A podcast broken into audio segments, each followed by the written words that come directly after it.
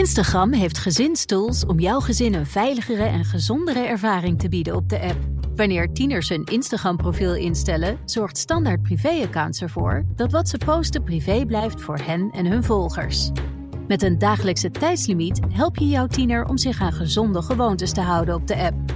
En door toezicht samen in te stellen, krijg je meer inzicht in wie ze volgen.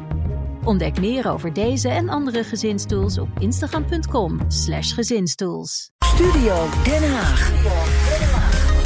De komende weken tot aan de verkiezingen spreken wij hier in de Daily Move de nummers 2 van de kieslijsten. Wat drijft hen en waarvoor gaan ze zich na de verkiezingen inzetten? Mits gekozen natuurlijk. Maar dat kan voor de runner-up van vandaag eigenlijk geen probleem zijn. Ze is namelijk, uh, nou kunnen we toch wel zeggen, de Joop Zoetemelk van de PVV, de eeuwige nummer 2. We hebben het over Fleur Agema. Mevrouw Agema, welkom. Hoi. U bent al sinds 2006 Kamerlid en ook de nummer 2 van de partij. Wordt u ooit de nummer 1? Nou, we hebben een hele goede nummer 1 en um, die ambitie heb ik op dit moment niet. Nee. Maar als die ooit stopt in de toekomst, dan hebben we ze een nieuwe kopman of kopvrouw nodig, toch? Dat, bent u ja. toch de geschikte kandidaat? Kunt u dat toch gaan doen? Nee, we zijn een grote groep met geschikte mensen. En uh, oprecht, ik heb daar nog nooit over nagedacht. Dat, uh, dat doen wij als uh, club tegen die tijd. Maar voorlopig hoop ik nog op kabinet Wilders 1 en Wilders 2. Ja, meneer Wilders zei ook, ik zit er nog wel even. Ja, precies. Ja, ja, u zit zelf dus ook al ruim 17 jaar in de Tweede Kamer. Wat bijna drijft 17 u, jaar. Bijna 17 jaar. Wat, wat drijft u na al die tijd nog? Um, nou, het is natuurlijk best wel zo dat ik heel veel afbraak heb gezien in de zorg. En dat dat, nou, dat, dat soms best wel ja, verdrietig is en je tegen gaat staan. Maar iedere keer als ik een dossier open doe voor een debat, dan raak ik weer helemaal geïnspireerd. En dan krijg ik allemaal weer ideeën om het beter te maken. Dus ja, dat maakt dat je, dat je, dat je het blijft doen. Ja. Leonard Beekman, we hoorden jou ook al even net, politiek verslaggever. Uh, het is misschien een beetje ongemakkelijk omdat Fleur Agema erbij staat. Maar ik wil toch van jou weten, wat is Fleur Agema voor Kamerlid? Ja, Fleur Agema is een dossierverreter. Een, uh, een Kamerlid met kennis van zaken, een fel debater. Uh, altijd goed voorbereid als ze de Tweede Kamer instapt. Uh, benaderbaar. veel kennis van zaken op het gebied van, van zorg. ja, eigenlijk toch wel wat je van een Kamerlid verwacht. Iemand die het, het, het ambt, wat het eigenlijk is, serieus neemt. Ja.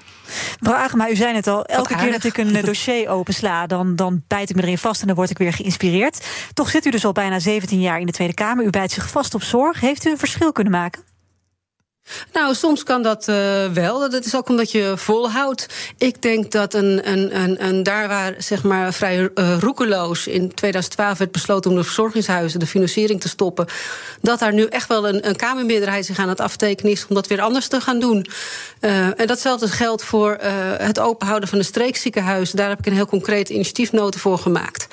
Um, om um, de acute zorg bij de streekziekenhuizen te gaan financieren, zoals de ambulance dienst. Mm -hmm. En ook daar, daar tekent zich uh, met de peilingen van vandaag, als die morgen werkelijkheid worden, een hele ruime meerderheid vooraf. Ja, dus u heeft wel degelijk dingen kunnen bereiken, zegt u. En dat is waarschijnlijk ook de reden dat u nog echt wil volhouden en door wil zetten. Um, ja, ik krijg er lang niet altijd de credits voor. Er wordt altijd heel veel gepikt links en rechts. Maar ik weet wel wat mijn originele voorstellen en uh, ideeën zijn. Nou, is de campagne natuurlijk in volle gang. Heeft u het druk? Nee. Oh. Nee, dat is ook wel een beetje gek natuurlijk. Maar er gebeurt natuurlijk heel veel in de wereld uh, momenteel. Ja. Uh, dat zal er ongetwijfeld mee te maken hebben. Um, maar mijn agenda is, uh, is volgende week leeg. En dat is natuurlijk best wel jammer. Omdat ik ben natuurlijk inderdaad langzittende Kamerlid op zorg. Mm -hmm. en, en, en de kiezer vindt zorg ook belangrijk. Dus ik, ik wil er heel graag heel veel over vertellen. Um, en dat is jammer als je daar... ja, tegen een lege en, agenda. En, en waar wijt u dat aan, dat er zo weinig aandacht is voor de zorg? Nou, ik, ik denk dat er veel gebeurt in de wereld momenteel... waar uh, terecht ook veel aandacht voor is. Ja, dus dan, uh, u kunt niet zomaar op campagne de straat op... want dan zou je zeggen van, nou ja, dan, dan maar flyeren... Hè, als er geen inhoudelijke debatten over de zorg gepland staan. Nee, maar ja, wat, ja, dan, dan bereik je een goed gesprek. Wat ik ook in de supermarkt heb. Want ik word tegenwoordig zoveel herkend. Dus ik, ik heb elke dag goede gesprekken met mensen. Met een dus BN'er. Dat is, is sinds corona wel, uh, geldt wel voor de meeste corona-woordvoerders, ja. ja. U zei, ik wilde heel graag heel veel over vertellen. Ik ben benieuwd wat u op dit moment prioriteit vindt... qua wat er beter moet in de zorg. Nou, het allerbelangrijkste in de zorg zijn natuurlijk de personeelstekorten. En die, die heb je in alle sectoren. En, ehm, en dat maakt het ook zo lastig. Uh, want de zorg is natuurlijk een moeilijke sector om te werken. Het is zwaar, het zijn lange dagen. Ehm, en de salarissen blijven achter bij de markt. En, uh, en natuurlijk zijn er ieder jaar jonge mensen die vol, vol, vol, vol, met een vol liefdevol hart voor de zorg kiezen en hun leven lang erin blijven werken. Maar we moeten met z'n allen niet denken dat het zomaar nog zal toenemen. Dus, dus het, het aantal nieuwe merkers, medewerkers moet echt komen uit de, de 1,4 miljoen mensen die nu al in de zorg werken. Hm. Dat is eigenlijk een hele treurige conclusie. U zegt er is eigenlijk gewoon geen mogelijkheid om er meer mensen bij te halen. Hoe maak je het dan beter voor de zorgmedewerker? Nou, waar we al heel veel jaren tegenaan kijken, is dat de zorg ook bezwijkt onder regeldruk. Dat uh, de 1,4 miljoen mensen die in de zorg werken gemiddeld 40% van hun tijd kwijt zijn aan administratietijd. Mm En nou ja, hypothetisch, als je dat zou halveren, krijg je niet alleen op iedere 100 er 20 extra. Maar die hoeven dan ook geen administratie of de helft van de administratie te doen. Dus je zou er bijna een half miljoen extra medewerkers bij kunnen krijgen zonder dat er iemand bij hoeft. Ja. En, en dat is ruimschoots genoeg. Dus dat is dan ook, uh, ook mijn hartekreet. Ja. En ik zie het iedere keer hartstikke vastlopen hoor. Ik heb een rapport meegenomen. En wij hebben vaak debatten, hebben we wel honderd kamerstukken. Maar eentje is me altijd bijgebleven. Dat is die uit juni 2020. Regeldruk in de ladurige zorg. Mm -hmm. Die door alle stakeholders eigenlijk gemaakt is. Nou ja, en wat je, daar, wat je daarin leest is echt verschrikkelijk wat ze moeten rapporteren allemaal. Bijvoorbeeld in de verpleeghuizen. De toiletgangen nu maar op. Ook, ook als die nog volkomen normaal is. Ja. De formulieren die ze moeten invullen voordat ze naar een overleg gaan. En die moeten worden uitgeprint. Nou ja, en als je dan de minister uh, uh, uh, daarna vraagt. Die zegt ja. Ja, en waarom ja, verandert er dan, dan niks? Want ik heb dit inderdaad bij u ook veel vaker gehoord. Dat u ja. zegt die regeldruk moet omlaag. Waarom lukt dat dan niet? Hoe, hoe doe je dat dan concreet? Nou ja, je kan bijvoorbeeld automatiseren en standaardiseren. Dat is ook wel afgelopen jaar een wet aangenomen, de wet Wegis. En um, daardoor moeten ziekenhuissystemen met elkaar uh, corresponderen... waardoor niet meer alle dossiers tussen ziekenhuizen van patiënten moeten worden uh, overgetypt. Dat -hmm. scheelt duizend manuren, of nee, 1 miljoen manuren per jaar. Hm. Dus, dus de Kamer doet af en toe wel iets goeds, laat ik dat vooropstellen. maar, maar wat ik vooral zie is wat ik noem uh, vleermuisregels. En ik weet niet of u onlangs gehoord heeft dat als als er vleermuizen in een spouwmuur zitten, dan ligt meteen de, de hele aanbreng ja. van de spouwmuren een jaar stil. Klopt. Uh, omdat de spouwmuur aanbrengen niet wordt vertrouwd. He, en dan moet er een heel traject, dan moeten er allemaal formulieren aangevraagd worden. Maar die, die spouwmuur aanbrengen, die zegt: ja, maar laat mij nou een gaatje boren. Dan stop ik een cameraatje in het binnen, dan kijk ik even en dan zie ik wel of er vleermuizen zijn of niet. Ja, en zo'n man wordt, of vrouw wordt dan niet vertrouwd. En daardoor is een systeem wat opgetuigd wordt, dat heel veel kost. En, en, en, nou ja, dat zie je dus ook in de zorg. Je ziet registraties gebaseerd op wantrouwen. Nou, dat rapport wat ik net nu noemde, staat er bol van. Ja. En dat moet dus echt, de cultuur moet echt anders in Nederland. En dan krijg je dus ook veel leukere banen. Hè? Als, wij, als wij de zeggenschap weer teruggeven aan, aan de mensen op, die gewoon op de werkvloer staan, krijgen ze ook nog eens een leukere baan. Ik had niet zo lang geleden een groep verpleegkundigen, ziekenhuisverpleegkundigen op bezoek. En die zeiden dus bij iedere patiënt waarbij ze aan het bed zijn geweest, moeten ze naar buiten en dan moeten ze op een uh, computer uh, zeven, zeven A4 doorlopen met vinkjes. Maar er zitten allemaal witregels tussen. En als die witregels weg zouden zijn, dan was het één A4'tje en dan kon ze klik, klik, klik ja, ja. Ja, maar dat, en dat, daar zit die, en daar zit de grote kans. Ja, Toch, Nina, is er ook nog een ander punt. Waar, en dat lees ik niet terug in het verkiezingsprogramma van de PVV. En er wordt vaak over gesproken, als we het hebben over tekort op de arbeidsmarkt. Er wordt veel deeltijd gewerkt. Ja. Ga een dagje extra werken. Precies. Dat zou de problemen ook oplossen. Ja. Maar dat zie ik niet terug in het programma. Nee, maar ik heb wel uh, daarop ook een uh, toezegging ook gekregen. Mooie, uh, ook alweer iets, iets, iets vrij kleins bereikt.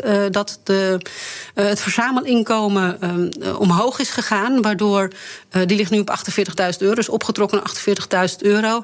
Waardoor dus vrouwen die vaak de tweede baan hebben in het gezin. Die ook zeggen van ja, ik werk maar vier uur. Want als ik acht uur werk in de week, dan, dan raak ik mijn toeslagen kwijt. Nou, dat is wat opgerekt. Uh, we moeten nu kijken of nu dus ook meer vrouwen met hele kleine contracten... die wel heel goed zijn opgeleid. Hè, goede, extra uurtjes gaan werken. Ja, goede mbo'ers ja. en hbo'ers die nu uh, niet, bijna niet werken omdat, omdat ze gewoon te veel toeslagen kwijtraken. Uh, meer uren gaan werken. Dus, ja. dus dat is ook wel iets wat ik bereikt heb. En daarom staat het niet in het verkiezingsprogramma. Maar als ik al mijn plannen in het verkiezingsprogramma zou zetten... dan was het al 90, uh, 90 pagina's. Dus... Maar mevrouw Agema, ja. hoe, hoe, gaat de PVV die investeringen in de zorg betalen? Dat, de, de zorg is al de grootste kostenpost ja. van de overheid, hè? Nee, dat is Met de sociale, sociale zaken, zaken, als je die twee een beetje bij elkaar pakt, ja. Nou ja, zorg is uh, de grootste kostenpost van de overheid, uh, omdat twee derde van de zorgkosten uitgegeven worden aan uh, salarissen. Dus dat betekent eigenlijk ook dat je er niet zo heel veel op kan bezuinigen. Um, je kan wel, wat ik net, het voorbeeld wat ik net gaf, met hetzelfde aantal mensen veel meer doen als je de regels een flinke klap geeft. Maar inderdaad, um, um, wat je nu ziet, is dat er steeds uh, maatregelen worden genomen die aan de andere kant, dus die op papier de zorg goedkoper lijken te maken, maar in de praktijk duurder. Dus er verkeerde bezuinigingen, zoals het sluiten van die verzorgingshuizen. Ouderen blijven meer thuis, mm -hmm. uh, gaan meer mankeren. Uh, wijkverpleegkundigen moeten langs, maar dat zijn er niet genoeg. Het is natuurlijk veel duurder om al die huizen af te moeten, in plaats van dat mensen samenwonen in één woongemeenschap. maar ook het eigen risico. Um, waarom dat mij zo'n doorn in het oog is, is omdat het eigen risico leidt tot zorgmeiden. Nou, dat was in 2016 nog 10%, is nu een kwart. Dus een kwart van de mensen zegt: ik ga niet uh, naar een arts als het nodig is. En in de helft van de gevallen was onderzoek van een vandaag uh, vorige week. Um, uh, ging het echt om een, spoed, een spoedzorgvraag. iets wat nodig was. Nou, en wat zie je nou? En dat zijn een heleboel onderzoeken die aangeven. Mensen die zorg uitstellen, niet naar de zorg, niet naar het huisarts gaan, dus zich niet laten doorverwijzen naar een specialist. Hmm worden uiteindelijk ziekere patiënten, worden duurdere patiënten. Ja. Nou, en daarom vind ik het heel erg belangrijk dat het eigen risico wordt afgeschaft. En dus niet op de manier zoals we altijd bang gemaakt worden: van nou, je schaft eigen risico af, maar dan gaat de premie omhoog. Mm -hmm. Nee, wij willen als PVV het eigen risico afschaffen en financieren weer vanuit de algemene middelen. Leonard, is dat realistisch? Wij, en daar willen wij, ja natuurlijk. Want... Nou ja, ik heb daar het financiële paragraafje, die is vrij kort van uh, de PVV gekregen. Ja. En ik begon met dat complimenten, maar hier ben ik toch niet echt van onder de indruk, als ik uh, eerlijk ben. uh, ja, want bijvoorbeeld het eigen risico afschaffen, het kost allemaal geld. En als je dan kijkt. 6 miljard, waar, ja. ja. waarom wil de PVV het vandaan halen? Want er worden nog meer cadeautjes uit, uitgedeeld: lastenverlaging, geen BTW op, op groente en fruit, vliegtaks eraf, hoger minimumloon. Ja, waar moet het uit betaald worden? Ja, dat, dat, dat zie ik niet echt. Minder geld naar Brussel en Afrika. Uh, de, de miljardenfondsen afschaffen. Maar ja. of je daar al die structurele maatregelen mee kan dekken, ja. ik zie het nog niet. Ja, je kunt het ruimschoots mee dekken. Als je toch kijkt dat, uh, wat, er, wat, wat er nog toekomstig uitgegeven gaat worden aan klimaat en stikstof. Dat is al 74 miljard euro. Dat is een incidenteel bedrag, is geen structureel bedrag. Maar 74 miljard euro gaat nog worden uitgegeven daaraan. Um, groeifondsen nog eens. Uh, ja, dat is allemaal incidenteel geld. Maar goed, het gaat nee, laat me even uitpraten. Ja.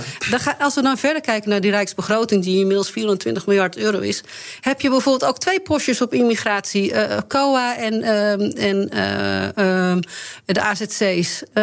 samen 7,5 miljard euro. Um, als je kijkt naar de bijstand. De helft ervan gaat ook naar niet-westerse allochtonen. Dan zit je al boven de 10 miljard euro structureel die naar de massa-immigratie gaat. Als je kijkt, als je de grenzen zou sluiten, wat het op zou leveren. Ja, dan heb je het over enorme bedragen. En wij zeggen als PVV. Ja, maar je moet op die manier naar die rijksbegroting gaan kijken. Je moet eens gaan kijken wat we allemaal op dit moment op die rijksbegroting uitgeven. Wat iedereen door de loop van de jaren is gaan doen. Wat steeds meer is geworden. Maar waardoor we eigenlijk die portemonnee van de mensen zelf en de zorg uit het oog verloren zijn. Ja. Want we hebben het ook veel over bestaanszekerheid. Nou, mind you, die 385 euro voor het eigen. Instagram heeft gezinstools om jouw gezin een veiligere en gezondere ervaring te bieden op de app. Wanneer tieners hun Instagram-profiel instellen, zorgt standaard privéaccounts ervoor dat wat ze posten privé blijft voor hen en hun volgers. Met een dagelijkse tijdslimiet help je jouw tiener om zich aan gezonde gewoontes te houden op de app. En door toezicht samen in te stellen, krijg je meer inzicht in wie ze volgen. Ontdek meer over deze en andere gezinstools op instagram.com/gezinstools.